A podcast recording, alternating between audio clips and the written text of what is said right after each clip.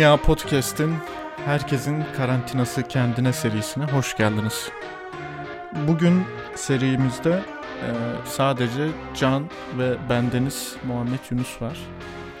E, bugün kendi aramızda bir kayıt yapalım dedik. E, ve kaydımızın da e, başlangıç noktası Fernando Pessoa'nın Huzursuzluğun kitabındaki bir pasaj olacak.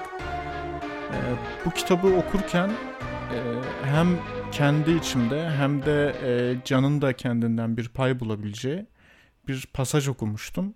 Ve bunun üzerine bir muhabbet edelim dedik. Hem bugünlerde karantinada, e, izolasyonda yaşadığımız bu günlerde e, herkesin kendinden bir parça bulabileceği bir e, pasaj bu. E, şimdi çok vakit kaybetmeden hemen pasajı e, siz dinleyicilerimize okuyorum. Evet. Fernando Pessoa'nın Huzursuzluğun kitabının e, 2013 baskısının e, 39. sayfasında Huzursuzluğun kitabının 10. bölümü. Ben böyleyim işte. İşe yaramaz ve duyarlıyım. İster iyi olsun, ister kötü. Soylusundan ya da bayağısından. Bütün coşkulara olağanca varlığımla kaptırabilirim kendimi. Ne var ki asla kalıcı bir duygu, asla ruhun özüne nüfuz eden kalıcı bir heyecan duyamam. Bende ne varsa bir başka şeyi izleyerek varlık kazanır. Ruh kendine karşı yaramaz bir çocukla uğraşırcasına sabırsız, giderek büyüyen ve hep aynı kalan bir sıkıntı var. Her şey ilgimi çeker ama hiçbir şey beni avucunda tutamaz. Durmaksızın düş kurarak yapılmadık iş bırakmam. Karşımda konuşan kişinin yüzündeki mimikleri en ince ayrıntısına kadar yakalarım. Cümlelerindeki milimetrik sapmaları fark ederim.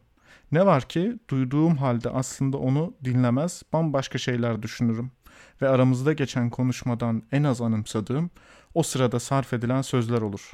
Hem onunkiler hem benimkiler. İşte bu yüzden bir ettiğim lafı bir daha eder, cevabını aldığım soruyu tekrar sorarım sık sık. Buna karşılık sonradan aklımdan uçup giden bir şey söylediği sırada karşımdakinin yüz hatlarının gerilişini ya da daha önce anlattığımı unuttuğum bir hikayeyi anlatırken beni yalnızca gözleriyle dinleyişini, fotoğrafını çekmiş gibi 3-4 sözcükle tarif edebilirim. İki kişiyim ben. İkisi de ortalarındaki mesafeyi koruyor. Aralarında hiçbir bağ olmayan siyam ikizleri bunlar. Evet. Ee, şimdi bunu okuduktan sonra beni çok etkilemişti. Ee, Birçok yani bu kısa bir pasaj olmasına rağmen kendi adıma çıkardığım çok fazla e, ortak nokta vardı kendimle ilgili. E, ilki e, bugünlerde birçoğumuzun belki de hissettiği bir şey. Yani Can özellikle hani seninle de çok konuştuğumuz bu durum. E, işe yaramaz ve duyarlıyım. İster iyi olsun ister kötü soylusundan ya da bayağısından. Bütün coşkulara olağanca varlığımla kaptırabilirim kendimi. Ama asla işte kalıcı olmaz diyor. Ee, sende de vardır böyle bir duygu diye tahmin ediyorum. Sen de daha önce konuşmuşuzdur. Ama gerçekten de yani özellikle bugünlerde işte e, korona dolayısıyla işte dünyada çok olağanüstü durumlar yaşanıyor. E, bu olağanüstü durumların getirdiği farklı ruh halleri geliyor bize. İşte tek başımıza yaşamamızdan kaynaklı. E, kimi zaman, kimi zaman e, insanların yaşadığı bir takım trajediler e, kimi zaman geleceğe dair duyduğumuz kaygılar olabiliyor bu. E, ama onun haricinde işte daha öncesinde de sahip olduğumuz e, birçok toplumsal e, kaygı var. E, bu kaygılara dair de hep böyle bir şeyler konuşuruz, bir şeyler yapmaya çalışırız ama diğer taraftan biri arka plana gider, biri ön plana çıkar ama hiçbiri tam anlamıyla e, kuvvetli bir şekilde e, varlığını devam ettirmez. Ya sende de böyle bir şey var mı gerçekten hani hissettiğin, buradan pay çıkardığın? Yani bu pasajdan ben aslında kendime en az böyle 5 yerden pay çıkartıyorum. Birkaç paragraf, 3 dakikalık bir okuma olmasına rağmen. En çok da pay çıkarttığım yer şey sanırım. Ee, cevabını daha önce aldığım soruları tekrar sorarım diyor mesela ya orada. Daha hatta iki gün önce bununla ilgili seninle konuşuyorduk. Ben insanlara sürekli cevabını bildiğim soruları soruyorum.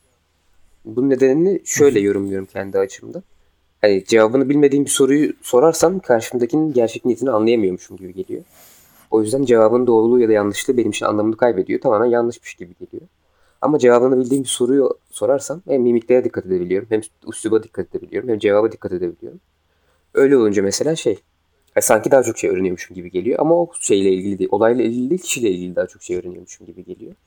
Burada da ondan biraz bahsediyor. Bana öyle gibi geliyor yani. Ben olaydan ve kişiden bağımsız olarak daha derinlere iniyorum gibi hani hissediyorum hep. Bir soru sorduğum zaman insanın kendi içine giriyormuşum gibi oluyor. Öyle olunca da hiçbir şey anlamıyorum mesela bazen. Aynı bu pasajda dediği gibi. Bir de şey kısmı da çok hoşuma gidiyor dediği yani bu e, bu pasajı ikinci dinleyişim. Yani orada da yine o kap çekmişti beni. Her, sürekli her şey benim ilgimi çekiyor. Ama bir şey asla hı beni kendi pençesi içine alamıyor. Sürekli farklı şeyler ilgimi çekmeye devam ediyor. O yüzden ben mesela şey e, kendime şey örneği veriyorum başka arkadaşlarıma da. Benim için bir dizi mesela bir dizi izlemeye başladığım zaman ya da bir kitap okumaya başladığım zaman ilk bölümü ya da ilk işte yani sayfaları en ilgimi çeken yerler oluyor. Çünkü ilk, ilk defa bir evrene ya da bir diziye girmiş oluyorum. Ya da bir kitaba girmiş oluyorum fark etmez. Hiçbir şey bilmiyorum. Çok merak ediyorum o yüzden. Ama 2-3 bölüm geçtikten o anlamaya başladıktan sonra biraz böyle heyecanım azalıyor mesela. Hı hı. Çünkü e, tahmin edemeyeceğin, bilemeyeceğin şeylerin sayısı azalıyor. Veya hayret edebileceğin şeylerin sayısı azalıyor. E, ya burada şöyle bir ikilem var bir taraftan. E, eğer çevremizdeki e, varlıkla olan ilişkimizi kuvvetli tutmak istiyorsak bir taraftan hayretimizi aslında güçlü tutmamız gerekiyor. Yani bu gündelik hayatımız için de dahil. E, her gün rutin yaptığımız şeyler için de dahil veya mesela şu güzel bir şey. E, çocukların bu zaten en güçlü olduğu nokta. E, çok basit bir ne derler rutininde bile atıyorum bir parkta yürürken bir ağacın kovuğunda gördüğü bir şekil onu inanılmaz hayrete düşürebiliyor. Fakat biz işte büyüdükçe, tırnak içerisinde olgunlaştıkça e, bu tarz hayretleri bir kenara bırakıyoruz. Bu belki etrafımızdaki varlıkla olan ilişkimizin zayıflamasına neden oluyor. E, bu kötü bir şey bir taraftan. Diğer taraftan şu da var ama bu e, gündelik hayattaki e, hayretin azalması bizi farklı arayışlara da itebiliyor. Yani e, olağanın dışına çıkmaya, e, rutinin dışına çıkmaya dair bir motivasyon oluşturuyor. Sence burada birinden biri daha iyi diyebilir misin? Yani şöyle olsaydı daha iyi olurdu dediğin bir yol mu senin için? Yani şöyle cevap vermeye çalışayım. Ben son zamanlarda yani çok klişe bir laf olacak belki ama dengeye inanmaya çok başladım. Bu kitaplarda falan da sürekli denge üzerinden temalarda işlenir mesela. Denge her şeyin hani bir şeyin hani bir orta yolda buluşması gerektiğini son zamanlarda bayağı inanmaya başlıyorum. Ne merakımızı kaybetmememiz lazım ne de çok merak etmemiz lazım. Çünkü çok merak edince çok dağılıyorsun. Hiç merak etmeyince de hiç dağılamıyorsun. O yüzden hiçbir şey öğrenemiyorsun. Bir şekilde bence onun orta yolunu bulmaya çalışmak lazım. Ben en azından kendim için öyle düşünüyorum. Çünkü çok fazla merak edince mesela şey oluyor bilgisayarımda yaptığım şeyler. Sürekli böyle farklı sekmeler açıp onların hepsini yıldızlıyorum. Buna sonra bakarım, buna sonra bakarım, buna sonra bakarım, buna sonra bakarım diye çok şey merak ediyorum. Ama bu kadar çok şey merak ettiğim için çok dağılmış oluyorum. Bir anda onları toparlayamıyorum. Hiçbir şeyden hiçbirine bakmıyorum sonra o yüzden. Merak ettiğimde kalıyorum. Ama mesela bu merakı bir düzene oturtabilsem, bir dengesini kurabilsem merak ettiğim şeyleri geri dönüp araştırabilirim. Geri dönüp ilgilenebilirim yani mesela. Hı hı. Ya bu e, çok güzel bir şey dedin. Yani merakın dengesine oturtmak. E, bu böyle dengeye oturtulabilir bir şey mi? Emin değilim yani. E, çünkü şu da var. E, kendi hayatımda da işte gerçekten hani birçok konuya merak duyuyorum ama hiçbirinde de uzmanlaşacak kadar e, o merakımı e, diri tutamıyorum. İşte mesela e, hani seninle daha önce konuşmuştuk.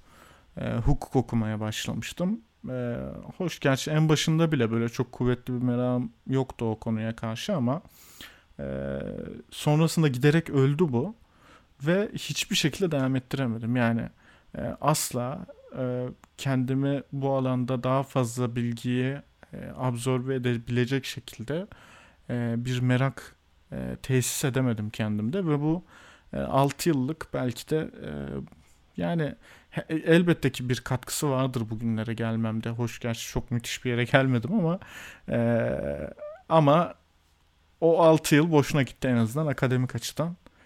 E, ben bunu hep kendimde bir eksiklik olarak gördüm. Yani ee, hiçbir şeyde böyle manyaklık derecesinde bir merak duymadım ve bundan dolayı da böyle hiçbir konuda inanılmaz derinlik kazanamadım. Fakat farklı merak alanlarına girişebildim. Ama dediğin gibi bir taraftan da hiçbirinin de hakkını verememiş olma hissi doğuyor bu seferde. Yani ee, atıyorum işte bir edebiyata ilgi duyduğun bir alan oluyor. İşte veya mesela atıyorum podcast alanına biz ilgi duyuyoruz. Ama podcast alanında bile böyle olağanüstü derinleşmiş, inanılmaz profesyonelleşmiş falan değiliz. Seviyoruz ama. Ee, diğer taraftan sporla ilgili de öyle. Mesela işte sen de ben de mesela NBA'yi takip ederiz. Fakat öyle bazı insanlar vardır ya işte 62 yılında ligde kimin işte şampiyon olduğu, işte oyuncuların hikayeleri bilmem ne falan bunlara kadar böyle girer. Ee, sende de bende de o yok yani. Ama ilgi de duyuyoruz. Ee, bu iyi bir şey mi kötü bir şey mi? Bence ikisi de değil yani ne iyi ne kötü. Ya ben ee, herkesin demek ki kendine ait bir yolu var yani.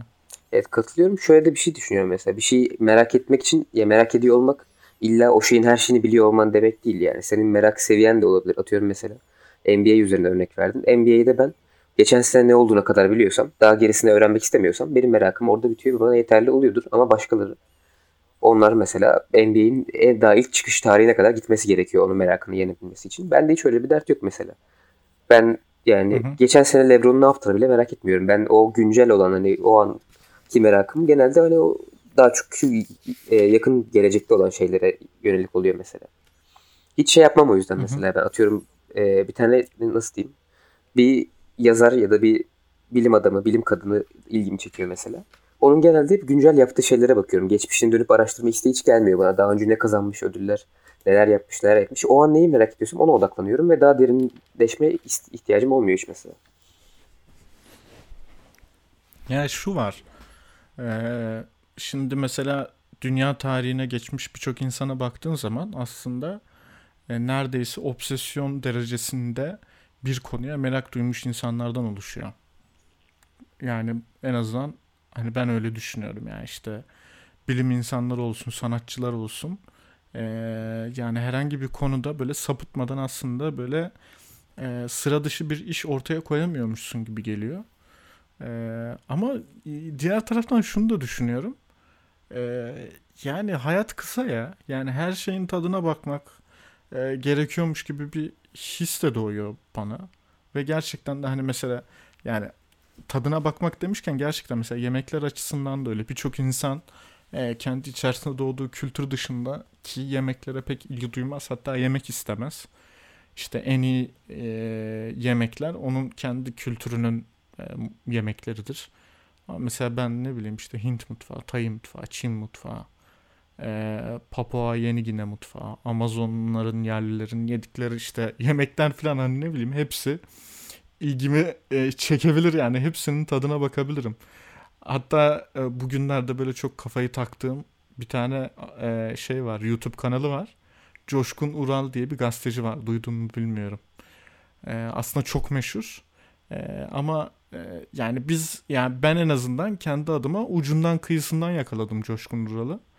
E, ama bizden bir 5-10 yaş büyük ekip e, hepsi bilir Coşkun Ural'ı hem savaş muhabiri hem de işte e, Savaş Ay'ın o A takımında yer almış. Ve dünyada gidilmedik yer bırakmamış. Birçok savaşta gazetecilik yapmış birisi. E, ve inanılmaz hikayeleri var ve hani diyorsun ki e, ya bu kadar riski niye almış? İşte mesela yamyamların olduğu adalara da gitmiş. Afganistan'da savaşın böyle en sıkıntılı olduğu zamanlarda oradaki gerillaların arasında da yaşamış hatta yaralanmış falan fistan. Ya diyorsun ki hani bu manyaklığa ne gerek var? İşte o manyaklığın sebebi biraz da ee, o önüne geçemediği merak duygusu. Fakat benim anladığım kadarıyla Coşkun Ural için de geçerli bu. Tek bir alanda böyle obsesyona varacak derecede bir merak da duymuyor. Fakat birçok şeye merak duyduğu için de e, aslında çok e, sıra dışı bir hayat hikayesi çıkartmış daha şimdiden ortaya. Yani 62 veya 63 yaşında öyle bir şey tahmin ediyorum. Ve e, olağanüstü bir hayat hikayesi var. Yani YouTube'daki o anılarını dinliyorsun. Ya böyle bir yani hani olamaz diyorsun. Gerçekten çok olağanüstü şeyler yaşamış. E, belki de senin içinde benim içinde belki de böyle bir hayat e, hikayesi yazmak mümkün. Yani Ee, anlatabiliyor muyum? Yani çok renkli bir e, paletimiz var belki de. Ama hiçbir rengin de en kalitelisi elimizde değil. Nasıl oluyor biliyor musun? Ya dediğine çok benzer bir örnek vereceğim ben de. Çok doğru bir yere parmak bastığını düşünüyorum. Ben mesela yani son zamanlarda geri dönüp düşündüğümde hani en çok keyif aldığım zamanlar, en çok mutlu olduğum zamanlar ne zamanlar diye. Ya etrafındaki insanların senin arkadaşlarım, ailemin, annemin, babamın fark etmez. Onların böyle geliştiğini, serpildiğini, güzel şeyler yaptığını görmek mesela ve onların onların içinde benim katkım olduğunu bilmek. Ben hani öyle kendim gelişmiyor olsam bile yani çok böyle başı hani mükemmel şeyler yaptığımı düşünmüyor olsam bile yani yakın çevremdeki insanlar böyle gelişip güzel şeyler yapınca ben mutlu oluyorum yani. Biraz da aslında hani hepsi farklı farklı şeyler yapıyor. Hepsinin merakları bende birleşiyormuş gibi oluyor bir yandan. Merak yani şey emiyormuşum gibi. Aynı işte demin bahsettiğin gazeteci arkadaşımız Coşkun Ural gibi. Onun merakı şey mesela farklı farklı dünyaları görmek. Benim merakım da atıyorum belki senin de aynı şekilde. Etrafındaki insanların merakını öğrenmek, görmek yani. Hı hı. Ya her ikisi de ilginç şeyler. Ee, bir taraftan şöyle bir şey de var aslında. Yani bu merak duygusu hayatı daha katlanılabilir bir hale de getiriyor. Ee, mesela şöyle düşünüyorum. Ee, daha doğrusu kendim için aslında kullandığım bir bu böyle savunma mekanizması gibi bir şey.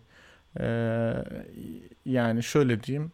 Çok böyle saçma e, insanların arasına düştüğün zaman işte mesela aslında ilkelerinle veya hayata bakış açınla hiç uyuşmayan bir takım insanların arasında bulunduğun zaman e, konforunun çok aksinde bir yerde bulunduğun zaman işte pis olsun, düzensiz olsun, çirkin olsun e, bu tarz yerlerde bulunduğum zaman hep kendime şunu söylerim. Hani şu an sanki bir film izliyorsun e, ve bu e, filmden çıkartabileceğin derslerin hepsini çıkartmaya çalış. Yani bu şekilde bakmaya çalışıyorum. Yani atıyorum e, Yozgat şehirler arası otobüs terminaline gittin tamam Şu hayatta bulunabileceğin en kötü yerdir orası tamam yani tabii çok da abartmaya gerek yok şimdi Yozgatlı dinleyicilerimizin tepkisini çekmek istemem ama diyelim ki gittin oraya. Oraya gittiğin zaman eğer işte ya burası ne kadar böyle çirkin bir yermiş ne kadar işte pismiş tuvaleti e, falan dersen katlanılmaz bir ortam oluyor orada senin için. Fakat şöyle dersen ya burada ne hikayeler var? Hani ne, nasıl insanlar acaba bu insanların nasıl hikayeleri var? Bu insanlar neden böyle bir yer inşa etmiş? Neden burası pis veya neden burası işte şöyle neden bu renkler tercih edilmiş gibi gibi böyle bir takım ayrıntılara daldığın zaman da keyifli bir hal e, alabiliyor bazen. Böyle çok aslında sıkıntılı olman gereken yerlerde. Şey gibi mi? Ya bu merak duygusu harbiden enteresan. Ee, bir adım geriye atmak gibi diyorsun mesela. Yani otogardasın aslında ama hani bir adım geriye atıp biraz da hani gözlem yapmak için etrafa baktığında yeni yargıda bulunmak için etrafa bakılmadığında çok daha Hı-hı. farklı şeyler keşfedebiliyorsun. Aynen. İşte o merak duygusu ama o seni bir adım geriye e, çekebilecek olan şey. Ya mesela Nuri Bilge Ceylan da belki bunu yapıyor. Yani o filmlerinde e, gördüğümüz olağanüstü o gerçekçilik veya doğallık e, onun o ortamlarda bulunurken e, sahip olduğu gözlem yeteneği ve o merakı sayesinde oluyordu diye tahmin ediyorum ben.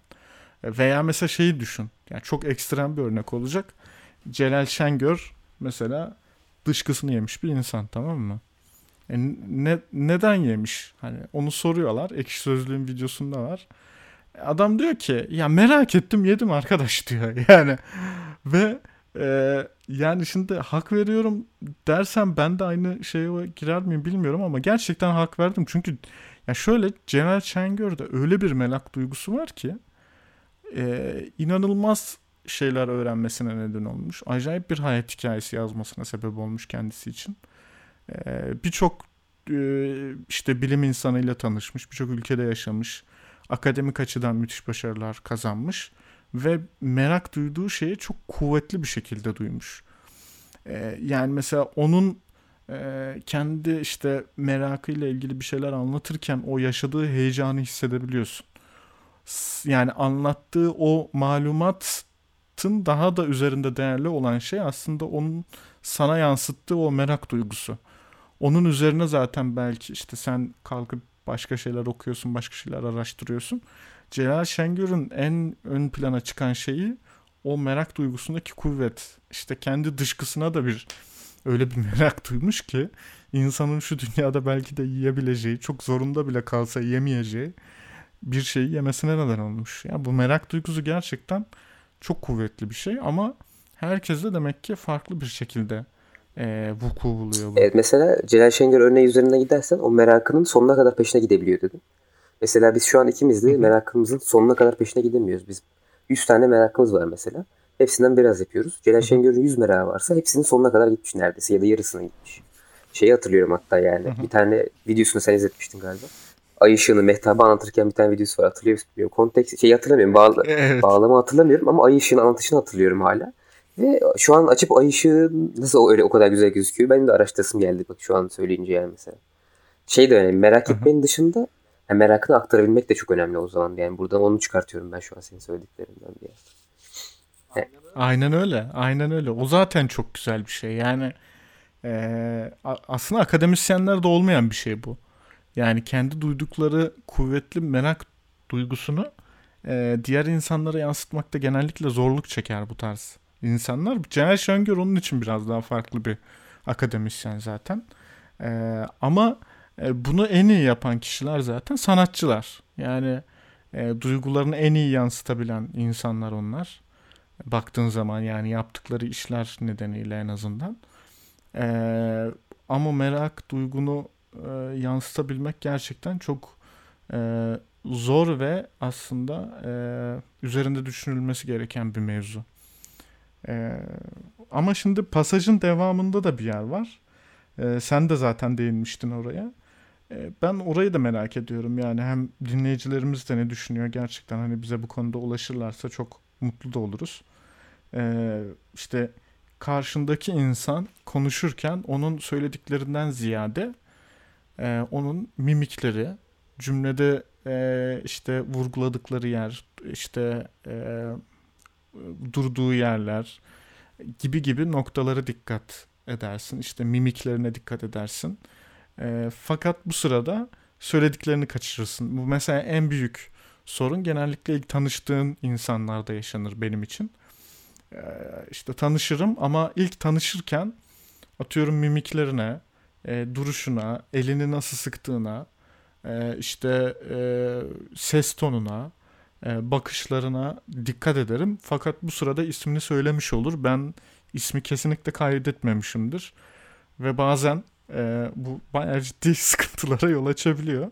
Onun haricinde yani toplantılarda falan olduğu zaman o hepten büyük bir arıza oluyor. Çünkü e, toplantının çok önemli bir noktasında dağılmış gitmişken e, sen böyle e, bambaşka bir alemde oluyorsun. E, sence bunun e, şeyi ne yani e, bunu engellemek gerekir mi? Yoksa e, bundan olabilecek en büyük faydayı kendi adımıza çıkarmak lazım mı? Yani açıkçası bunun çözümü bende yok. Çünkü sen de fark ediyorsundur bazı podcast bölümlerinde benim konuşma sürem bir dakikayı bile geçmiyor yani. Çünkü anlatılan şeyleri o kadar hayranlıkla izliyorum ki insanların mimiklerini. Anlattığı şeyleri de unutuyorum, soracağım soruları da unutuyorum, söyleyeceğim şeyleri de unutuyorum. Yani isim isim onları geçtim yani mekan zaman her şey kayboluyor. Ben böyle dalıyorum gidiyorum insanların el hareketlerine, mimiklerine. Bazen söyledikleri şeylere de tabii ama. O yüzden yani benim çözümleyebildiğim bir şey değil bu. Bilmiyorum ne nasıl bir cevap vermem gerekir. Ama ben kötü bir şey olduğunu düşünmüyorum. Sadece şey şöyle bir kötülüğü olabilir. Yani böyle dalıp gittiğin zaman çok yani bilmediğin bir ortamdaysın. Muhabbete çok dahil olamıyorsun. Sıkılıyormuşsun gibi geliyor. Sürekli sana şey sormak ihtiyacı geliyor diğer insanlardan. Sıkılıyor musun? Niye hiç konuşmuyorsun? Neden böylesin? Aslında sen hani orada çok eğleniyorsun. Yapılan mimikleri izliyorsun.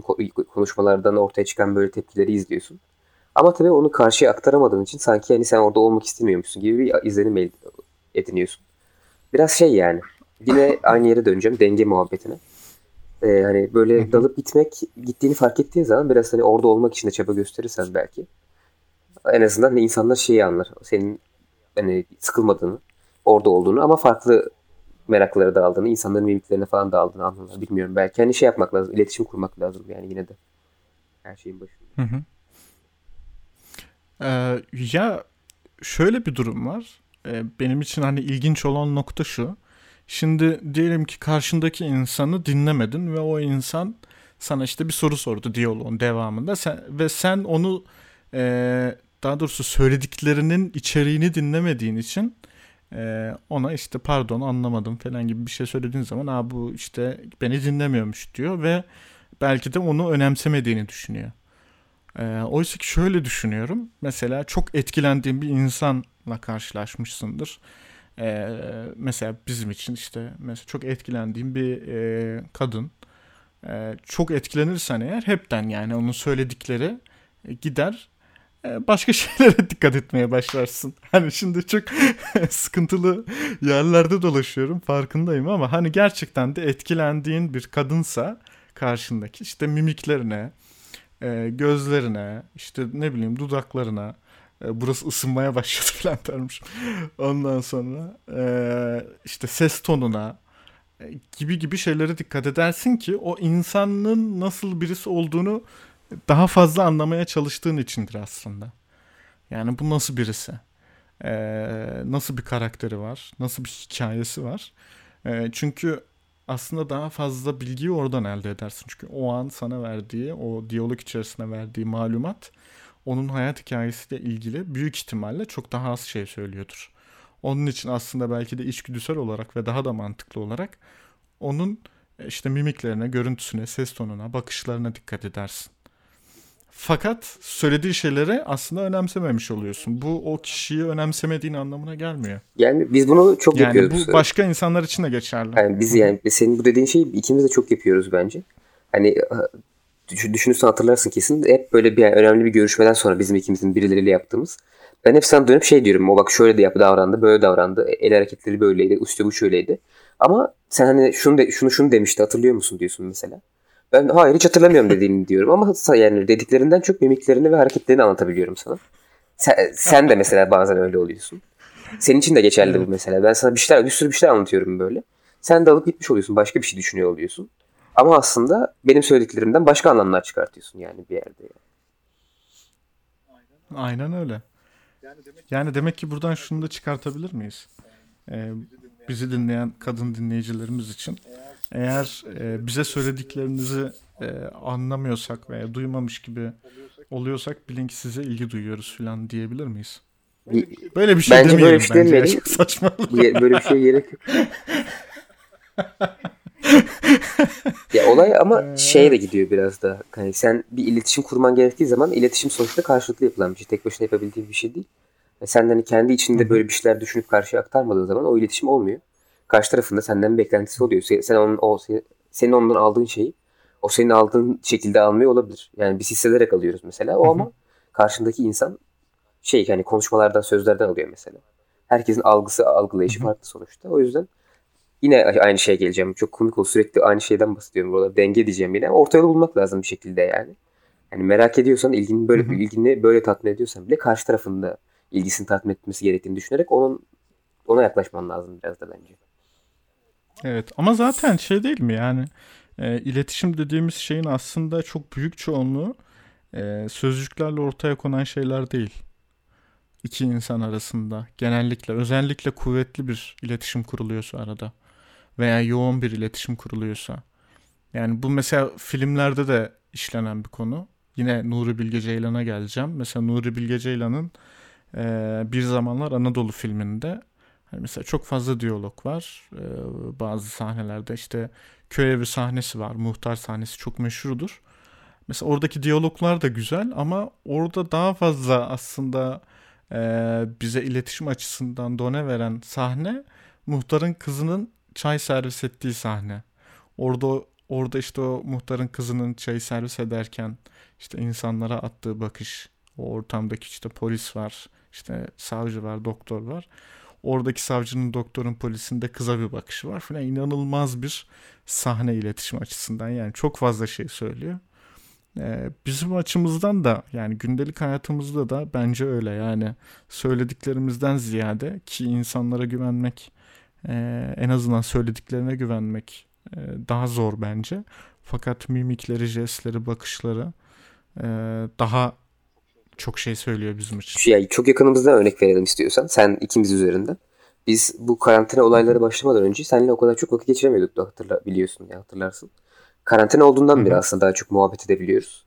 Ama yani Hı-hı. biz bu çok beraber vakit geçiremememize rağmen birbirimizi çok iyi anladığımızı düşünüyoruz yani. Ben en azından düşünüyorum.